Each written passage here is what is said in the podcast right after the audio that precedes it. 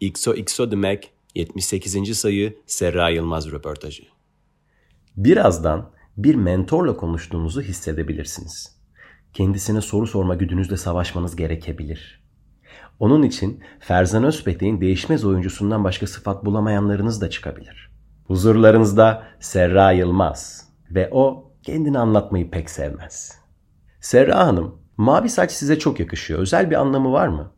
Bundan yıllar önce bir akşam eve geldim. Kızım saçlarımın uçlarını siklemen rengine boyamış.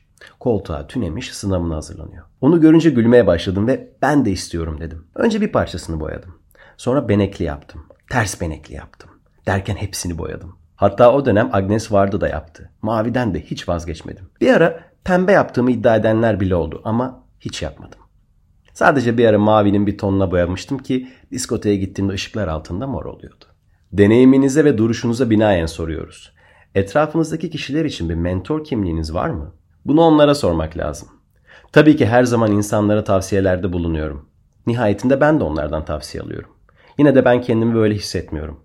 Ama bazı konularda da çok bilmişimdir. İtalya'da nasıl bir hayatınız var? Bir kere şunu belirteyim. Herkes orada yaşıyorum zannediyor ama İtalya'dan ev kiralayalı 2 yıl oldu. Uzun yıllardır orada çalışıyorum ama gidip geliyordum. Şimdi tamamen yerleştim. Floransa'dayım. Orada daha aktif bir hayatım var. Evi kiraladığım anda tesadüfen o kadar çok iş ardarda geldi ki henüz evimin keyfini çıkardığımı da söyleyemem.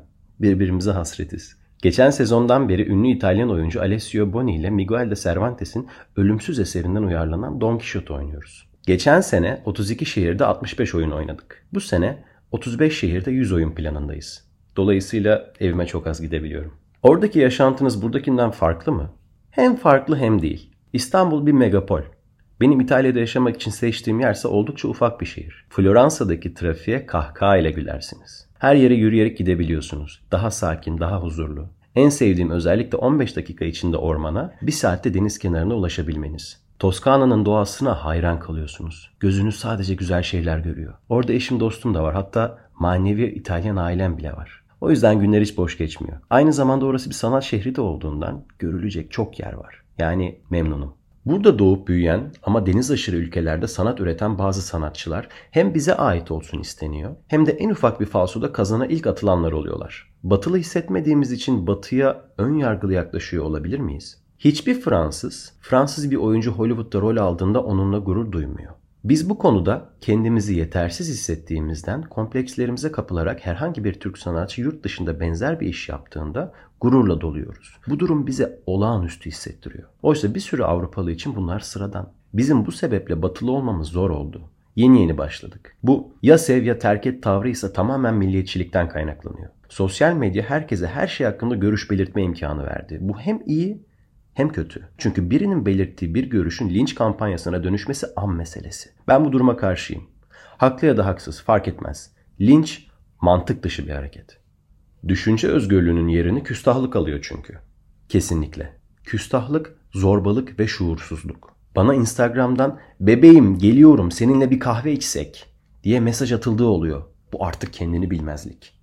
Geri dönüp filmografinize baktığınızda seçici olduğunuzu düşünüyor musunuz? Ben seçici olmadım. Çok fazla teklif almadım. İyi bulduklarımı da kabul ettim.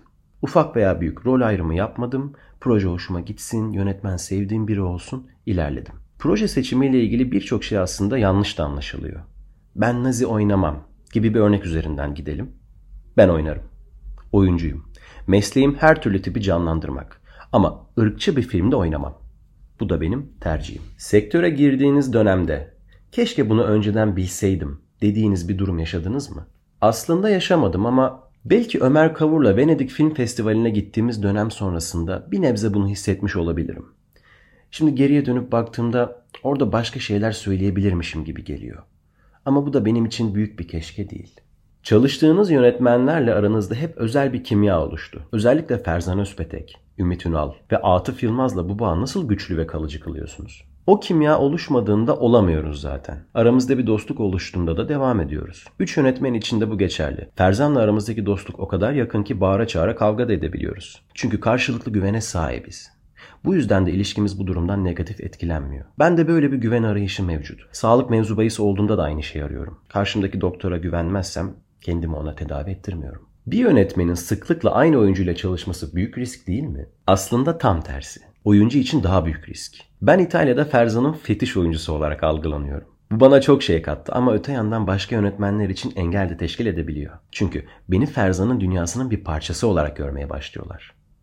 Eh, yönetmen de yönetmeni kıskanır. Farklı ülkelerin sinema dillerine uyum sağlıyor olmanız da başka bir konu. Bu çok kimlikli yapıyı siz mi kuruyorsunuz? Sanırım öyle. İki ana dille büyüdüm. Türkçe ve Fransızca. Dolayısıyla her iki ülkeyi de çok iyi tanıyorum. Sabah uyandığımda üç ülkeyi takip ediyorum. İtalya, Fransa, Türkiye. Dolayısıyla bu üç ülkeyle bahsettiğiniz uyumu yakalayabiliyorum. Bu durum üç kültürü de yakinen tanımam ve yaşamamdan kaynaklı. Oyunculuk metodunuzu nasıl tarif edersiniz? Role göre değişiyorum. Rol neyi gerektiriyorsa o. Ama role yaklaşımım ve hazırlık sürecim çok sakin. Hiçbir süreci fazla büyütüp anksiyete haline getirmiyorum. Kamera karşısında gerginliğim de yok. Ondan korkmuyorum. Tabii ki herkes kamera önünde güzel görünmek istiyor ama güzelliğin aleyhte bir duruma dönüşmemesi gerek. Güzel kadın algısıyla tanınmamış olmam bir avantaj. Hiçbir yerime botoks yaptırmak zorunda değilim. Benim için tasarruflu da bir durum. Popülerlik artık yaşla da orantılı. Genç yaşta şöhret olmak veya keşfedilmek. Dünya sinemasının geçmişinde böyle bir orantıdan bahsetmiyorduk. Bu paralelliği nasıl yorumluyorsunuz? Çünkü dünyayı moda etkiliyor. Moda pek çok şeyin belirleyici unsuru olmaya başladı ve gitgide güzelliği, gençliği ön plana taşıyor. Ama her genç bir gün yaşlılığı tadacak. Özellikle bir oyuncu için yaşının insanı olmak çok değerli. Tabii ki artık 20 yaşındayken oynadığım rolü oynayamam. Ama bu da bir kısıtlama olmak zorunda değil. Mesela şu an İtalya'daki tiyatro oyunumda bir erkeği oynuyorum. Nasıl yani? İlk defa mı bir erkeği canlandırıyorsunuz? Evet. Ama canlandırdığım Sancho Pancho özelinde konuşuyorum. Onun bir kadın tarafından canlandırılması rol için çok da belirleyici bir özellik değil. Mavi saçlarımla Sancho'yu oynuyorum ve herkes halinden memnun. Seyirci beni yadırgamıyor. Hazırlık sürecinde erkek rolüne bürünmem için saçımı boyatma ihtimalini konuştuk ama prodüktörümüz bu halimle oynamamı tercih etti. Beni seçmelerindeki neden Sancho'yu bir ikonanın canlandırmasını istemeleri olmuş. Beni bu yüzden tercih etmişler. Peki Sancho'yu sizin canlandırdığınızı bilmeden oyunu izlemeye gelsek, sizi bir erkek olarak mı algılarız? Hayır. Ben bir erkek gibi oynuyorum ama bir kadın olduğum, hatta Serra Yılmaz olduğum belli. Tamamıyla bir erkek gibi davranmıyorum. Yürüyüşüm, mimiklerim, genel olarak mizansenin bir erkek tonunda. Casting tercihlerindeki güzellik arayışı hakkında ne düşünüyorsunuz? Şunu hep söylüyorum. Ben oyuncuyum ve güzel olmakla yükümlü değilim. Benim yükümlülüğüm seyirciye bir şey hissettirmek. Bunun için illa güzel olmam gerekmiyor. Ama bu tuzağa düşüldüğünü izlediğimiz çoğu şeyde görebiliyoruz. Bu demek değil ki güzel olan herkes kötü oyuncudur. Birçoğu eğitimli ve başarılı isimler. Ben bizden başka kimse oyunculuk yapmayacak yaklaşımını da manasız buluyorum. Herkes oyunculuğu deneyebilir. Önemli olan başarılı ve kalıcı olmak. Ama güzelliğiyle tanımladığımız özgün farklı tipleri de hep komediye yakıştırıyoruz. İtalya'da Bir Ömür Yetmez filmini çekiyoruz. Filippo Timmi özel bir karakter. Filmde de benim eşimi oynuyor. Bir de Ennio Fantasticini var. Yakın zamanda kaybettik kendisini. Bir gün çekimler sırasında birlikte yemek yiyoruz. Bu konuyu konuşuyorduk ve bizim gibi oyunculara karakter diyorlar dedi. Biz star değiliz. Karakteriz deyip gülmüştük. Var böyle bir şey ve ben de karakter olmaktan hiç şikayetçi değilim. Karakter olmak bir oyuncu için daha imkanlı. Yakışıklı adam hayatı boyunca aynı şeyi oynamaya mahkum bırakılabilir. Halbuki ben bir sürü farklı karaktere yakıştırılabiliyorum. Türkiye sinemasının yapısını hangi cümlelerle açıklarsınız? Türkiye sinemasının başlangıcına baktığımızda bir kopyalama huyu olduğunu söylemek mümkün. Yurt dışında olup bitenin buradaki versiyonlarını çekerek başladık ama gitgide özgünleşen bir sinema diline doğru da ilerleniyor. Sadece bizim ülkemizde değil, dünyada film yapmak zorlaşıyor. Film üretim rakamları yıl bazında epey azaldı. Dolayısıyla sinema dünyada sıkıntılı bir dönemden geçiyor. Bir gün bir film yöneteceğinizi hep biliyor muydunuz? Katiyen bilmiyordum. Tamamen tesadüfi gelişmiş bir durum. Cebimdeki yabancıyı çok beğendim. Ferzan da aynı şekilde. Türkiye'de bir versiyonu yapılsa ne iyi olur diye düşünürken ben çekerim dedim. Benim için de deneyim olur. Bunca film setinde bir şeyler öğrenmişimdir diye düşündüm. Yoksa yönetmen olmak gibi bir hayalim yoktu. Hala daha yok. Ama yeniden bir filmde yapabilirim. Neden olmasın? Belki de 3 yıl sonra bir hikayeyi anlatabilmek için yanıp tutuşurum. İşin her iki kısmına da hakim oldukları için oyuncu yönetmenlerin şanslı olduğunu düşünüyor musunuz? Oyuncuyu yönetmek açısından evet. Tiyatroda yönetmenlik yaptığımda da bu durumun faydasını gördüm. Çünkü oyuncu olmam bana yardımcı oldu. Çünkü karşımdaki oyuncunun psikolojisini daha iyi anlayabiliyordum. Tiyatroda yönetmenlik yaparken kendi oyunculuğum için en büyük ders aldım. Oyuncu olmayan yönetmenler o anda oyuncunun içinde bulunduğu panik ve stres halini çok iyi değerlendiremeyebiliyorlar. Bir oyuncu yönetmenin bunu görüp halledebilmesi daha olası.